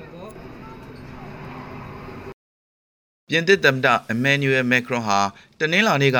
ရုရှားနိုင်ငံမော်စကိုမြို့ကိုရောက်ရှိလာပြီးယူကရိန်းအရေးနဲ့ပတ်သက်လို့ပြင်းထန်တဲ့တန်ကဲတမန်ကင်းသတင်းတစ်ပတ်စတင်ချိန်မှာဗလာဒီမီယာပူတင်နဲ့သဘောတူညီမှုတစ်ခုရရှိနိုင်ဖို့မျှော်လင့်နေပါတယ်။ယူကရိန်းနယ်စပ်မှာ တောင်းနဲ့ချီတဲ့ရုရှားတပ်ဖွဲ့ဝင်တွေစခန်းချထားတဲ့အတွက်ဒီဇင်ဘာလကအကြက်တဲစတင်ခဲ့ပြီးနောက်မက်ခရွန်ဟာရုရှားသမ္မတဗလာဒီမီယာပူတင်နဲ့တွေ့ဆုံတဲ့ပထမဆုံးအနောက်နိုင်ငံခေါင်းဆောင်ဖြစ်လာပါတယ်။ဂျာမနီအဓိပတိအိုလက်ရှောကစစ်အေးတိုက်ပွဲနောက်ပိုင်းရုရှားနဲ့အကြီးမားဆုံးပဋိပက္ခအရေးမှာအနောက်နိုင်ငံတွေနဲ့စီးလုံးညီညွတ်တဲ့မျက်နှာစာထားရှိဖို့ကြိုးပမ်းမှုအဖြစ်ဝါရှင်တန်မှာအမေရိကန်သမ္မတဂျိုးဘိုင်ဒန်နဲ့တနင်္လာနေ့မှာတွေ့ဆုံမှာဖြစ်ပါတယ်။ရုရှားဟာယူကရိန်းနယ်စပ်မှာတပ်ဖွဲ့ဝင်တသိန်းကိုစုယုံချထားပြီးဖေဖော်ဝါရီလလယ်ပိုင်းလောက်မှာယူကရိန်းကိုကျူးကျော်ဝင်ရောက်ဖို့အတွက်လုံလောက်တဲ့တပ်ဖွဲ့ဝင်တသိန်းခွဲလောက်ကိုအစင်သင့်ပြင်ဆင်ထားတယ်လို့အမေရိကန်တာဝန်ရှိသူတွေကပြောကြားခဲ့ပါတယ်။ရုရှားကတိုက်ခိုက်ဖို့အစီအစဉ်မရှိလို့အခိုင်အမာပြောဆိုထားပြီးတင်းမာမှုများဖြေလျှော့နိုင်ရေးအတွက်ဟုဆိုကာလုံခြုံရေးအာမခံချက်အတွက်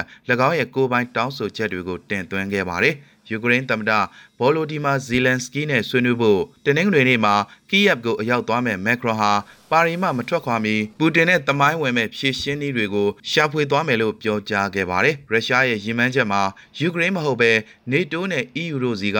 လုံခြုံရေးဆိုင်ရာသဘောတူညီချက်တွေရရှိဖို့ဖြစ်တယ်ဆိုတာသိတာပါတယ်လို့မက်ခရွန်ကလီဂျာနယ်ဒူဒီမန်ချီသတင်းစာကိုပြောကြားခဲ့ပြီးပဋိပက္ခကိုရော့ကျစေမဲ့နီလန်းတွေကိုဆွေးနွေးသွားမှာဖြစ်တယ်လို့ဆိုပါတယ်။ရုရှားအနေနဲ့သူ့ရဲ့ကိုပိုင်လုံခြုံရေးအတွက်မေကွန်ထုတ်ဖို့တရားဝင်သလိုဒီအတွက်ယူကရိန်းအပါအဝင်အခြားဥရောပနိုင်ငံတွေရဲ့လုံခြုံရေးနဲ့အချုပ်အခြာအာဏာကိုအပေးယူလုပ်လို့မရပါဘူးလို့သမ္မတမက်ခရွန်ကဆိုပါတယ်။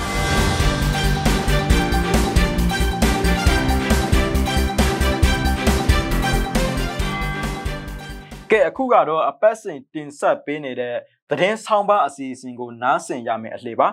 ကြိုတင်ဟောကိန်းနဲ့ပဂတိအခြေအနေဆောင်းပါးကိုကိုလင်းထက်ကပြောပြပေးမှာပါခင်ဗျာကြိုတင်ဟောကိန်းနဲ့ပဂတိအခြေအနေဖေဖော်ဝါရီလ၁ရက်နေ့2022ခုနှစ်ဟာစစ်တပ်ကဒေါအောင်ဆန်းစုကြည်ဦးဆောင်တဲ့အယက်သားအစိုးရကိုဖြုတ်ချပြီးအာဏာသိမ်းခဲ့တာတစ်နှစ်ပြည့်ခဲ့တဲ့နေ့ဖြစ်ပါတယ် စစ်တပ်အာဏာသိမ်းလိုက်တဲ့အချိန်ကစလို့ပထမဆုံး၄လအတွင်းမြန်မာနိုင်ငံရဲ့အန္တာဂတ်နဲ့ပတ်သက်ပြီးနိုင်ငံရေးအကဲခတ်တွေမြန်မာရေးလေ့လာသူတွေပညာရှင်တွေသူတည်တည်တွေနဲ့သတင်းတောက်တွေအပါအဝင်မြန်မာရေးစိတ်ဝင်စားသူတွေရဲ့တုံးသက်ချက်တွေအရှူရှူပေါ်ထွက်လာခဲ့ပါတယ်။တိုင်းပြည်ဟာနာဝတ္တနာအဖခေမျိုးစီပြန်သွားတော့မလား။ဦးနေဝင်းလက်ထက်မှာလို့စစ်အာဏာရှင်စနစ်အောက်မှာနောက်ထပ်အနှစ်450နေရအောင်မလား။ဂျီဇက်တွေဥဆောင်တဲ့လူငယ်တွေက လူရင်ရလက်နက်အင်အားပြည့်စုံတဲ့စစ်တပ်ကိုပြန်တိုက်ဖို့ဆိုတာဖြစ်နိုင်ပါမလားစသဖြင့်လာပေါင်းများစွာတွေ့ဆုံမေးမြန်းခန်းဒီဘိတ်အွန်လိုင်းဆွေးနွေးပွဲသုံးသက်ချက်ပေါင်းများစွာနဲ့ရှုထောက်စုံကနေသုံးသက်တင်ပြခဲ့ကြပါတယ်စစ်တပ်ကအာဏာကိုအလွယ်တကူလက်မလွတ်ဘူးဆိုတာကိုကြိုတင်တွက်ဆလို့ရပါမယ်လူလူအားနဲ့စစ်အာဏာရှင်တွေကိုတိုက်ထုတ်နိုင်မယ်ဆိုတဲ့အယူဆပိုင်းမှာနိုင်ငံသားနိုင်ငံရေးအကဲခတ်တွေနဲ့မြန်မာနိုင်ငံရေးအကဲခတ်တွေရဲ့အမြင်ကအတော်လေးကွာခြားတာကိုတွေ့ရပါတယ် ပြည်သူတွေကြိုက်သည်ဖြစ်စေမကြိုက်သည်ဖြစ်စေစကားဆချပြတဲ့လမ်းပြမြေပုံတိုင်းဖြစ်လာမှာပါဆိုတဲ့အမြင်ကိုနိုင်ငံသားအကဲခတ်တွေအများစုကလက်ခံထားတာတွေ့ကြရပြီးဒီအချက်ကိုဇောင်းပေးသုံးသက်ဆွေးနွေးသွားတာကိုသတိထားမိမှာဖြစ်ပါတယ်မြန်မာစစ်တပ်ရဲ့လှုပ်ရှားမှုတွေကိုစင်ဆက်မပြတ်လေ့လာနေတဲ့အနောက်တိုင်းသားစစ်မှတ်ရေးရအထူးပြုလေ့လာသူတူကဆိုရင်မြန်မာစစ်တပ်ကိုဘယ်တော့မှရှော့မတော့ပါနဲ့သူတို့လှုပ်ရှားရှိရင်ပြပြပြင်းပြင်းလှုပ်တက်တဲ့သဘောရှိပါတယ် သူတို့ဘက်ကအကောင်းဆုံးလှုပ်တက်တယ်ဆိုတာကိုနားမလည်ဘူးဆိုရင်ခံရမှာပါပဲလို့ပြောခဲ့ပါတယ်လူသိထင်ရှားတဲ့အာဆီယံတန်အရာရှိဟောင်းလည်းဖြစ်နိုင်ငံရေးအကဲခတ်လည်းဖြစ်သူတူကဆိုရင်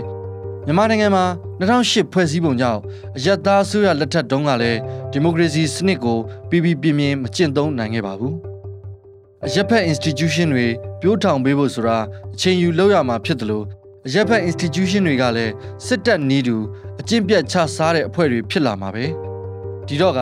စစ်တပ်ကလှုပ်ပေးမယ်ဆိုတဲ့ရွေးကောက်ပွဲဟာလွတ်လပ်ပြီးတရားမျှတတဲ့ရွေးကောက်ပွဲမဖြစ်နိုင်ပေမဲ့လည်းတခြားရွေးချယ်စရာမရှိတဲ့အတွက်အနောက်နိုင်ငံတွေအနေနဲ့စစ်တပ်နဲ့လှုပ်လှုပ်ဖို့ကိုစဉ်းစားဖို့ပဲလိုတယ်လို့တိုက်တွန်းခဲ့ပါတယ်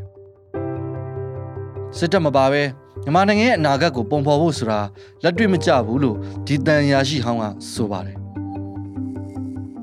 ပြည်သူတွေနေရာကဝင်ပြီးစဉ်းစားပြတဲ့သူတို့ကတော့အာရှဖောင်ဒေးရှင်းကဒရိုက်တာဟောင်းဒေါက်တာမက်သရူအာနိုပဲဖြစ်ပါတယ်စစ်တပ်ပေါ်ပြည်သူတွေရဲ့ယွန်ရှာမုန်းတိမှုတွေဟာပြည်သူအတွက်တွန်းအားကြီးဖြစ်လာပြီးဒီခွန်အားကြီးကိုစစ်တပ်ကတံပြန်ဖို့မလွယ်ဘူးလို့ထောက်ပြခဲ့ပါတယ်သူရဲ့အမြင်မှာမြန်မာနိုင်ငံကြုံနေရတဲ့ပြဿနာကိုစစ်တပ်နဲ့ဒီချုပ်ကြားဖြစ်တဲ့နိုင်ငံရေးပဋိပက္ခလို့ယူဆတာထက်တိုင်းပြည်လုံးကစကားစကို ပုံကံအောင်ကြွနေတဲ့ပုံကံမှုကြီးဆိုတာကိုနားလေသဘောပေါက်ဖို့လိုတယ်လို့ဆိုပါတယ်။တနိုင်ငံလုံးတိုင်းတာအနေနဲ့နေရာအနှံ့ဓာတ်နက်ကင်ပုံကြွနေတာကိုစစ်တပ်ကနေနှင်းဖို့စစ်တပ်မှာလူအင်အားလုံလောက်ရှိတယ်လို့သူမထင်ဘူးလို့ဆိုပါတယ်။စစ်တီအင်အား၄သိန်းကျော်ရှိတယ်လို့ယူဆရတဲ့မြန်မာစစ်တပ်ထဲမှာတိုက်ပွဲဝင်စစ်တီအင်အားကတသိန်းဝန်းကျင်သာရှိနိုင်တာကြောင့်တနိုင်ငံလုံးပုံကံထကြွလာရင်စစ်တပ်ကဘယ်နည်းနဲ့မှနိုင်အောင်တိုက်နေမှာမဟုတ်ဘူးလို့သုံးသပ်ပြပါတယ်။ လူလူဘိုးဖြူဒေါ်လာရင်းဖြစ်လာနိုင်တာကိုထောက်ပြတဲ့ဒေါက်တာအာနုရဲ့သုံးသပ်ချက်ကလက်ရှိဖြစ်နေတဲ့အခြေအနေနဲ့အနည်းဆက်ဆုံးဖြစ်ပါတယ်။နိုင်ငံသားနိုင်ငံရေးအကဲခတ်တွေနီးတူပဲစကားစခေါင်းဆောင်တွေကလူလူကိုရှော့တွက်ခဲ့ပါတယ်။ဗိုလ်ချုပ်မူကြီးမင်းအောင်လှိုင်ကလူငယ်တချို့လက်နက်ကင်တော်လန်ခုခံနိုင်နေဆိုတာကိုကြိုတင်တွက်ဆခဲ့ပေမဲ့လူငယ်ကောင်းဆောင်တွေကိုဖမ်းဆီးချုံနှောင်ထားရင်ပုံကံထကြမှုတွေကိုထိန်းနိုင်မယ်လို့ယူဆပုံရပါတယ်။လူငယ်တွေက တိုတောင်းတဲ့အချိန်တွင်နေရာနဲ့လက်နက်ကင်တပ်ဖွဲ့တွေဖွဲ့စည်းပြီးခုခံတိုက်ခိုက်တာတွေလှုပ်လာနိုင်တာကိုကြိုမတွေးခဲ့မိဘူးလို့စစ်ကောင်စီပြောခွင့်ရဗိုလ်ချုပ်ဇော်မင်းထွန်းကိုယ်တိုင်သတင်းစာရှင်းလင်းပွဲမှာဝန်ခံထားပါတယ်။ PDF ပြည်သူ့ကာကွယ်ရေးတပ်ဖွဲ့ဘယ်နှဖွဲ့ရှိတယ်ဆိုတာကိုအတိအကျမပြောနိုင်ပေမဲ့ American ခြေဆိုင်ကဘာတဝမ်းလက်နက်ကင်ပြည်ပကတွေနဲ့ပတ်သက်ပြီး data တွေကိုသူတည်တနာပြုစုဆောင်းထားတဲ့ ACLED the M Conflict Location and Event Data Project ရဲ့ဖော်ပြချက်အရ 2021ဇွန်လအထိလက်နက်ကင်လှုပ်ရှားနေတဲ့ PDF အဖွဲ့40ရှိတာကိုဖော်ပြထားပါတယ်။မြို့သားညီညွတ်ရေးအစိုးရ NUG ကစက်တင်ဘာလ9ရက်နေ့ကိုပြည်သူတော်လှန်ရေးစတင်တဲ့နေ့လို့စစ်ကောင်စီကိုစစ်ကြေညာလိုက်တဲ့နောက်ပိုင်းမှာ PDF တွေရဲ့လှုပ်ရှားမှုတွေအရှိန်မြင့်လာပါတယ်။ပြည်သူ့ကာကွယ်ရေးတပ်ဖွဲ့တွေအချိန်တူတူအတွင်းမြန်မြန်ဆန်ဆန်ဖွဲ့လာနိုင်တာဟာစကားစအဖွဲ့အတွက်ရောနိုင်ငံရေးအကဲခတ်တွေအတွက်ပါအံ့အားသင့်စရာဖြစ်ခဲ့ပါတယ်။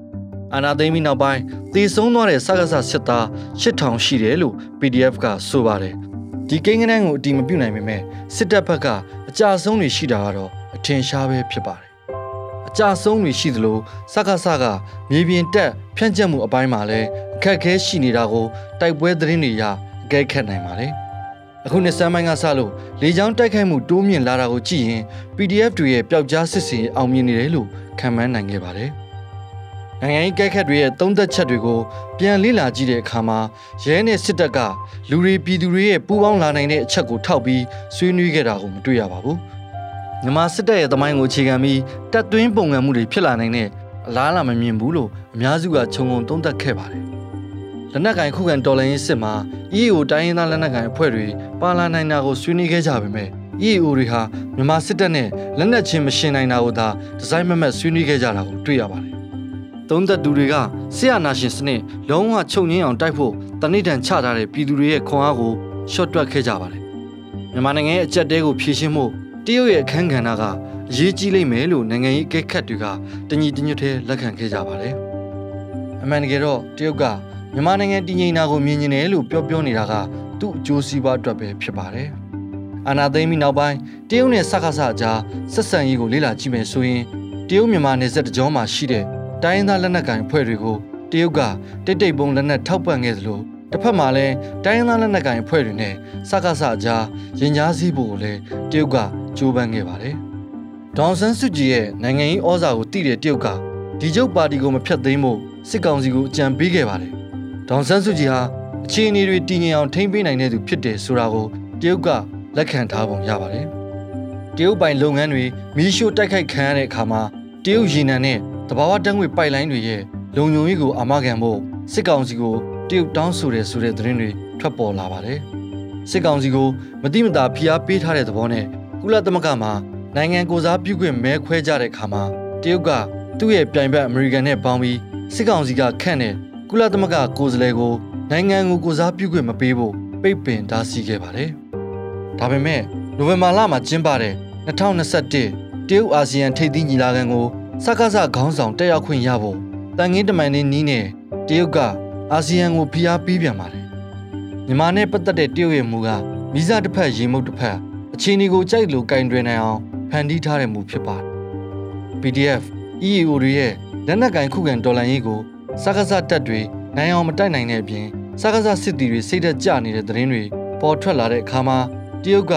Type 035G ခေါ် Mind Class တပတ်ရဲ့ ရင်ငုတ်သမောတစီစကားစကိုလွှဲပြောင်းပေးအပ်လိုက်ပါတယ်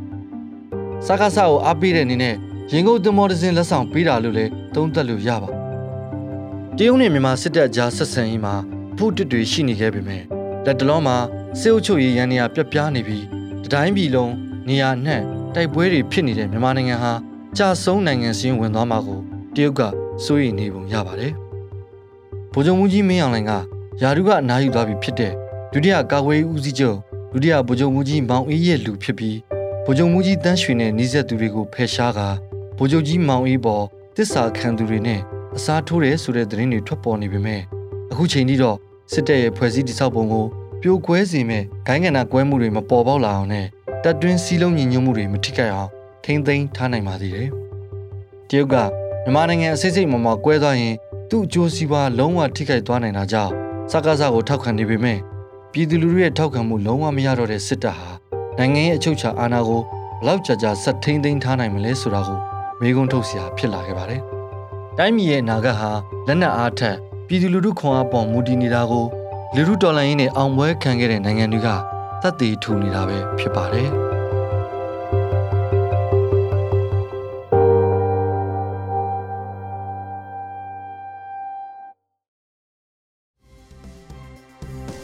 ရဲ့မြစီမရေဒီယိုကိုနေ့စဉ်ညနေ6နာရီခွဲမှ9နာရီခွဲအထိတိုင်းတူမီတာ16မီတာ7.3တမခွန်3 MHz ကနေပြီးဖမ်းယူနိုင်စင်နိုင်ပါပြီ။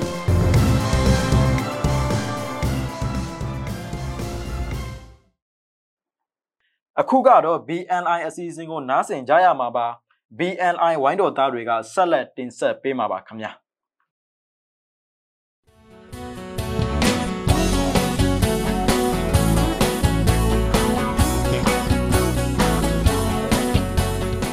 င်္ဂလာပါရှင်နိုင်ငံတကာမြန်မာသတင်း BNN ရဲ့ဒီကနေ့ဖေဖော်ဝါရီလ10ရက်နေ့အသံလွှင့်အစီအစဉ်တွေကိုစတင်နေပါပြီဒီအစီအစဉ်ကတော့တိုင်းသားဒေသတွေတဲကသတင်းတွေတိုင်းသားတွေရဲ့အသံနဲ့အမြင်တွေကိုစူးစီးတင်ဆက်ထားတာဖြစ်ပါတယ်နေ့စဉ်မြန်မာစံတော်ချိန်ညနေ9:15မိနစ်ကနေ9:00ခွဲအထိလိုင်းတို16မီတာ19.3 MHz မှာဖမ်းယူနားထောင်နိုင်ပါတယ်ကျွန်မကအမီပါ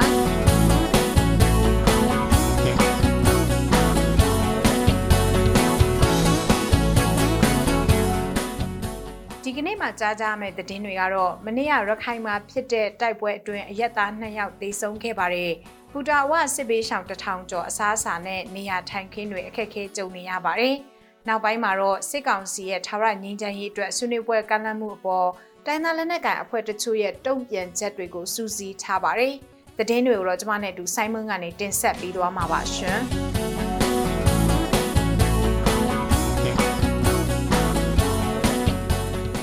ရခိုင်ပြည်နယ်မောင်တော်မြို့နယ်မြောက်ပိုင်းဖားဝစ်ချောင်းကျေးရွာအနီးမနေ့ညကဖြစ်ပွားခဲ့တဲ့တိုက်ပွဲအတွင်းအမျိုးသမီးတဦးနဲ့ကားသမားတဦးသေဆုံးသွားတယ်လို့သိရပါတယ်။သေဆုံးသွားသူတွေကတော့ဖားဝစ်ချောင်းကျေးရွာကအသက်40ကျော်အရွယ်ဒေါခင်စောလာနဲ့ငန်းချောင်းကျေးရွာကကားသမားတဦးဖြစ်တယ်လို့ဖားဝစ်ချောင်းကျေးရွာအုပ်ချုပ်ရေးမှူးကပြောပါတယ်။မနေ့ကဖေဖော်ဝါရီလ9ရက်နေ့ည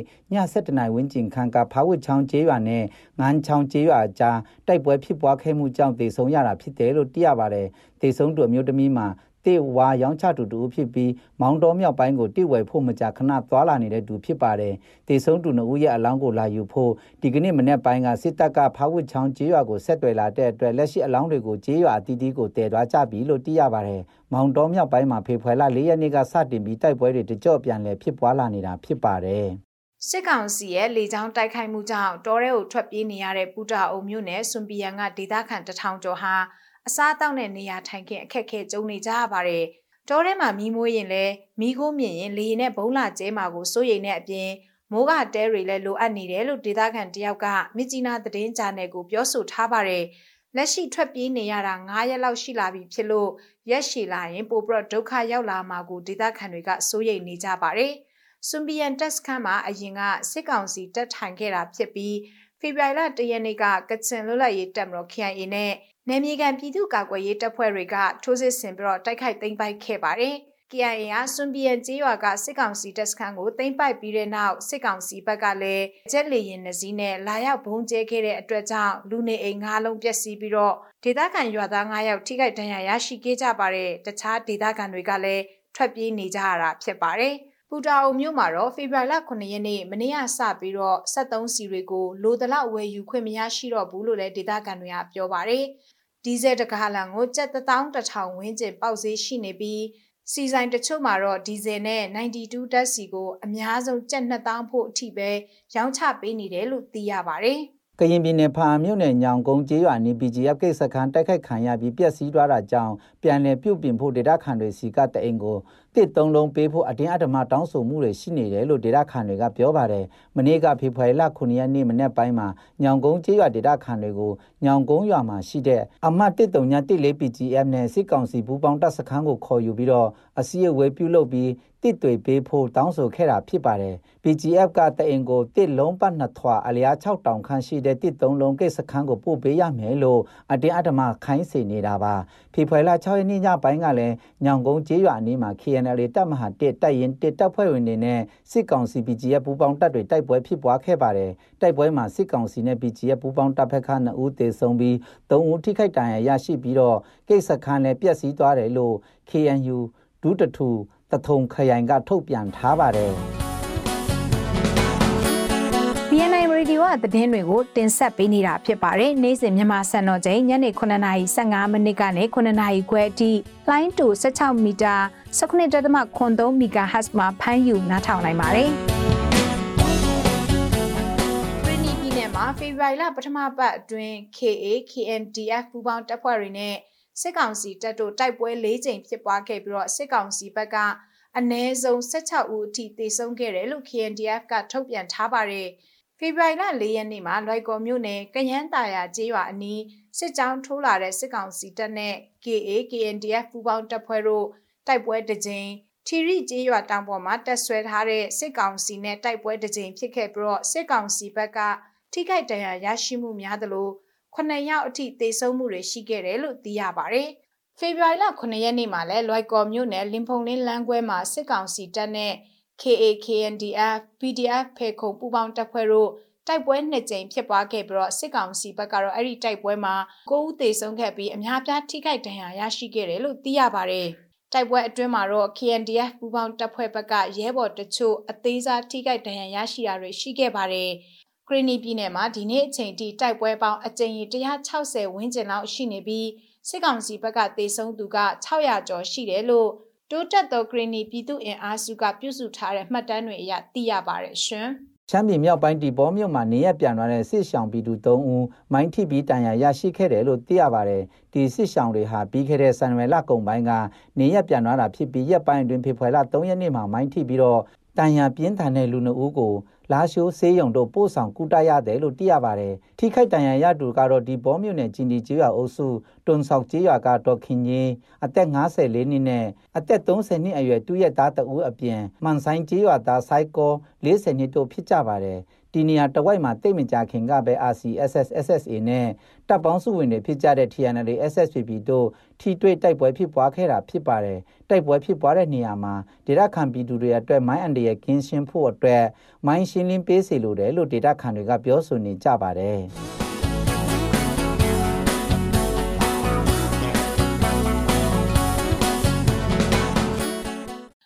တော့သတင်းလွှာတွေကိုဆက်ပြီးတော့ကြားကြရမှာပါမူတုံမြို့နယ်ကမာဝတ်မြို့မှာမွန်ကလေးများနေ့ကိုစတုထအကြိမ်မြောက်ကျင်းပခဲ့ပါတယ်ဘလို့မျိုးကျင်းပါတယ်ဘလို့ရည်ရွယ်ချက်တွေနဲ့လုပ်တယ်ဆိုတာကိုတော့မွန်သတင်းအေဂျင်စီကမိဒေစီကအသေးစိတ်ပြောပြထားပါတယ်မွန်ကလေးငယ်တွေမွန်ရိုးရာယဉ်ကျေးမှုစာပေနဲ့ဘာသာစကားထိန်းသိမ်းစောင့်ရှောက်တဲ့အောင်ရည်ရွယ်ပြီးမွန်ကလေးများနေ့ကိုကျင်းပတာလို့မွန်မျိုးသားနေ့ကျင်းပရေးကော်မတီဖွဲ့ဝင် Nice ကောင်ကပြောပါတယ်။ ဟာမတဖို့ဆိုမှုကိုအိုက်တော်ဒီအာပလာကဟမ်နာဒီကိုအိုက်တော်ချာမရိုက်မော်နုံတော်ဒီကိုအိုက်တော်တန်းတယ်မော်နုံကလေးများနေ့ကိုကျွန်တော်တို့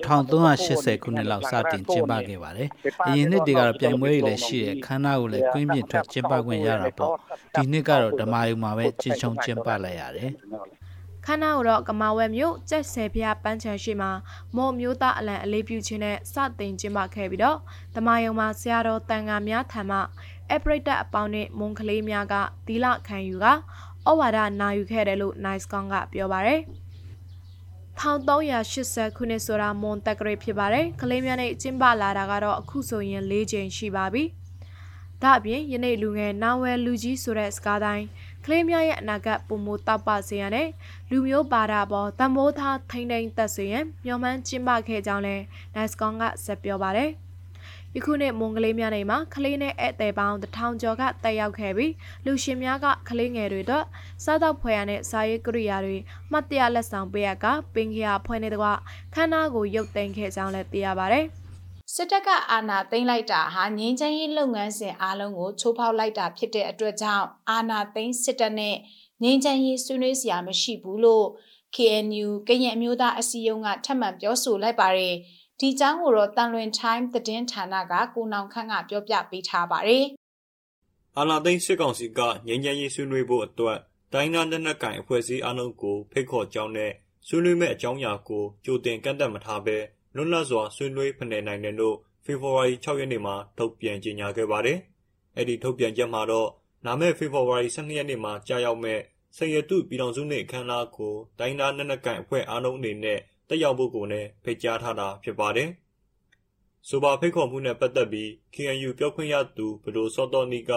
တရားမဝင်အဖွဲ့အစည်းတစ်ခုဖြစ်နေတဲ့အာဏာသိမ်းစစ်တပ်နဲ့ငြိမ်းချမ်းရေးဆွေးနွေးဖို့အကြောင်းလုံးဝမရှိဘူးလို့ခုလိုပြောပါတယ်။ငြိမ်းချမ်းဆွေးနွေးပွဲနဲ့ပတ်သက်ပြီးသူပြောပြောကြားပြအောင်အဓိကအချက်ပါလဲဆိုတော့သူတို့အာဏာသိမ်းလိုက်ကြတဲ့ဟိုကကျွန်တော်တို့လုပ်နေတဲ့ငြိမ်းချမ်းစစ်စင်အားလုံးကိုသူတို့ချိုးဖောက်လိုက်တယ်လေ။ဒါမူဝါဒအရဟိုကအခြေခံအားဖြင့်တော့သူတို့ချိုးဖောက်လိုက်တဲ့အပေါ်မှာတော့ဘလို့မှရှိဆက်လို့မရတော့ဘူး လေ။အဲကြောင့်သူတို့ကတရားမဝင်အဖွဲ့အစည်းတစ်ခုဖြစ်သွားပြီးသူတို့နဲ့စကားပြောစရာကိုအကြောင်းမရှိတာကျွန်တော်တို့အခုပြောမှဟာပါလဲဆိုတော့စစ်တပ်ကနိုင်ငံရေးစုပ်ပါသူ့နေရာမှာသူကျန်နေနော်ကျွန်တော်တို့အနာဂတ်မှာကျွန်တော်တို့လူချင်းနဲ့စစ်တပ်ဒီလိုပုံစံမျိုးလုံးဝမချရဘူးအဲ့ဒါတော့ရှင်းတယ်ဒါအပြင် Federal Democracy ပြည်ထောင်စုတည်ဆောက်ရေးမှာအာဏာသိမ်းစစ်တပ်ဟာအဟန့်အတားတစ်ခုဖြစ်နေတဲ့အတွက်ကြောင့်စစ်တပ်အနေနဲ့နိုင်ငံရေးကနေလုံးဝထွက်ခွာသွားဖို့လိုအပ်တယ်လို့ဆိုပါတယ်။အာဏာသိမ်းစစ်ကောင်စီဟာငြိမ်းချမ်းရေးဆွေးနွေးမယ်လို့ပြောဆိုနေပေမဲ့ တစ်ဖက်မှာတော့တိုင်းသားလက်နက်ကိုင်ထိန်းချုပ်နယ်မြေတွေမှာထိုးစစ်ဆင်တာတွေဆက်တိုက်လှုပ်ဆောင်နေပါတယ်။ဒါကြောင့်အာဏာသိမ်းစစ်တပ်အနေနဲ့တကယ်စစ်မှန်တဲ့ငြိမ်းချမ်းရေးကိုလိုချင်ရင်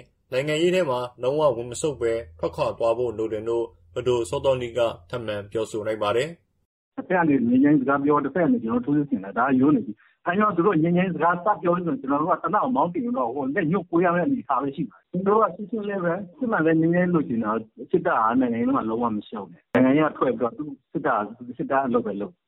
လက်ရှိမှာတော့စစ်ကောင်စီဟာ KNU ထိန်းချုပ်နယ်မြေဖြစ်တဲ့ခရိုင်တပ်မဟာအားလုံးတို့မှာစစ်ရေးတိုးချဲ့တာလက်နက်ကြီးပစ်ခတ်တာတွေကြောင့်ကရင်မျိုးသားနှုတ်မြောက်ရေးတပ်မတော် KNL KNDO တို့နဲ့နေ့စဉ်နဲ့အမျှတိုက်ပွဲတွေဆက်လက်ဖြစ်ပွားနေပါတယ်။ ဆက်ပြီးတော့စစ်ကောင်စီရဲ့ဒီထာဝရငြိမ်းချမ်းရေးအတွက်ဖိတ်ခေါ်ခြင်းနဲ့စိန်ရတုပြည်ထောင်စုနေ့အခမ်းအနားကိုဖိတ်ကြားခြင်းထုတ်ပြန်ချက်အပေါ်ခရီးနီမျိုးသားတိုးတက်ရေးပါတီ KNPP နဲ့တချို့တိုင်းသားလက်နက်ကိုင်အဖွဲ့အစည်းတွေကလည်းတက်ရောက်မှာမဟုတ်ဘူးလို့တုံ့ပြန်ပြောဆိုလိုက်ပါတယ်။ဒီအကြောင်းကိုတော့စောပွေးကစူးစီးတင်ဆက်ပေးထားပါတယ်ရှင်။ခရီးနီမျိုးသားတိုးတက်ရေးပါတီ KNPP အတွင်းရေးမှူးနဲ့ဦးအောင်ဆန်းမြင့်က KNPP ကစစ်ကောင်စီကဖိတ်ကြားတဲ့ ထာဝရငြိမ်းချမ်းရေးအတွက်ဆွေးနွေးပွဲကိုသွားမှာမဟုတ်ဘူးလို့ပြောပါတယ်။ကျွန်တော်တက်ရောက်ဖို့လည်းမရှိဘူးနော်။နိုင်ငံရေးရလည်း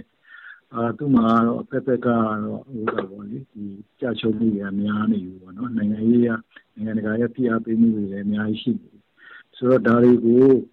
အာဒါကတော့သူ့အနေနဲ့ပြန်ပြီးမှဂုံတိတ်ခါဆယ်ဖို့အတွက်အာသူလုပ်တဲ့ပွဲပဲလို့ကျွန်တော်တို့နားလည်တယ်။နောက်တစ်ခုကစီရေးအနေထားရတကယ်လို့များ အာသူ့ဘက်မှာပေါ့နော်အကြီးကိုတချို့ကငြိမ်းချမ်းရေးဆွေးနွေးပွဲတွေကိုအာဒီကလန်ချက်ကိုလက်ခံမယ်ဆိုလို့ရှိရှိရင်ဒါကတော့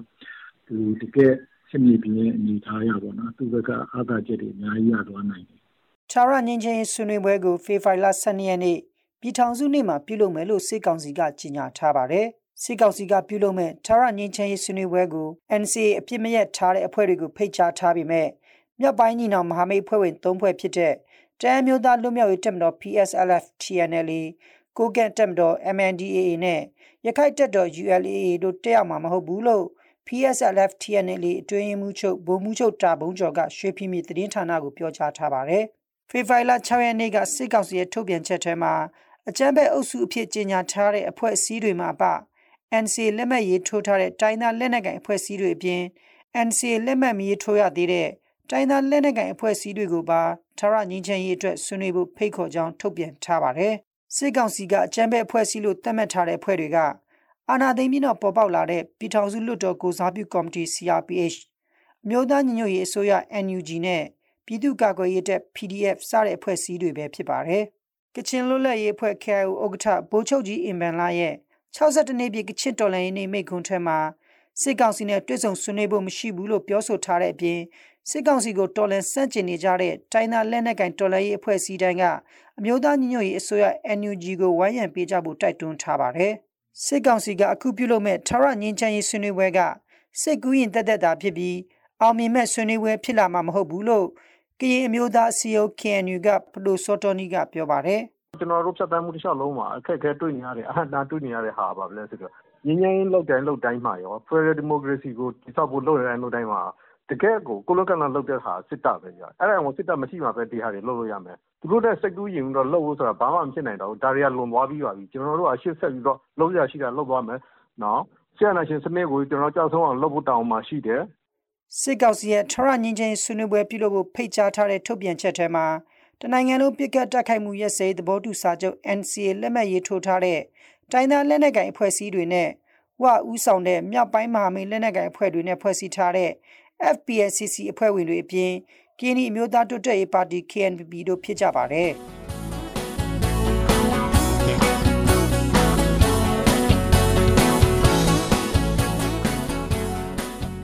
အခုနားဆင်ခဲ့ကြရတာကတော့ BNI Radio ကနေ့စဉ်သတင်းအစီအစဉ်ပဲဖြစ်ပါတယ်။ ဒီအစီအစဉ်ကိုနေ့စဉ်မြန်မာစံတော်ချိန်ညနေ9:15မိနစ်ကနေ9:00ခွဲအထိ15မိနစ်ကြာထုတ်လွှင့်နေတာဖြစ်ပါတယ်။နားဆင်ပေးတဲ့အတွက်ကျေးဇူးတင်ပါတယ်ရှင်။ကျွန်မကအမီပါ။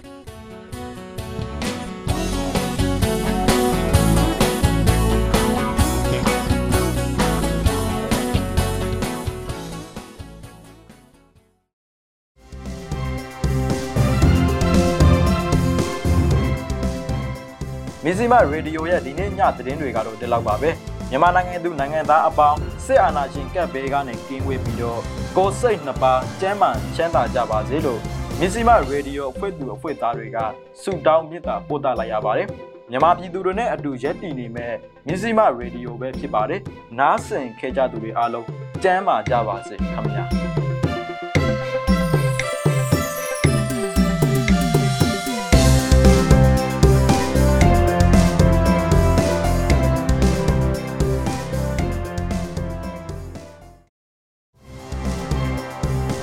မတို့ရဲ့မြစီမရေဒီယိုကိုနေ့စဉ်ည6နာရီခွဲမှည9နာရီခွဲထိလိုင်းဒိုမီတာ16မီတာစက္ကွန်တသမခွန်3 MHz ကနေပြီးတော့ဖမ်းယူနားဆင်နိုင်ပါပြီ။မြစီမရေဒီယိုကိုနားမစင်လာရတဲ့သူတွေအနေနဲ့မြစီမ News and Barbie Page 108 Page မြစီမ YouTube Channel မြစီမ Website Podcast Application Podcast Anchor Podcast တွေမှာလည်းပြန်လည်နားဆင်လို့ရပါတယ်နော်။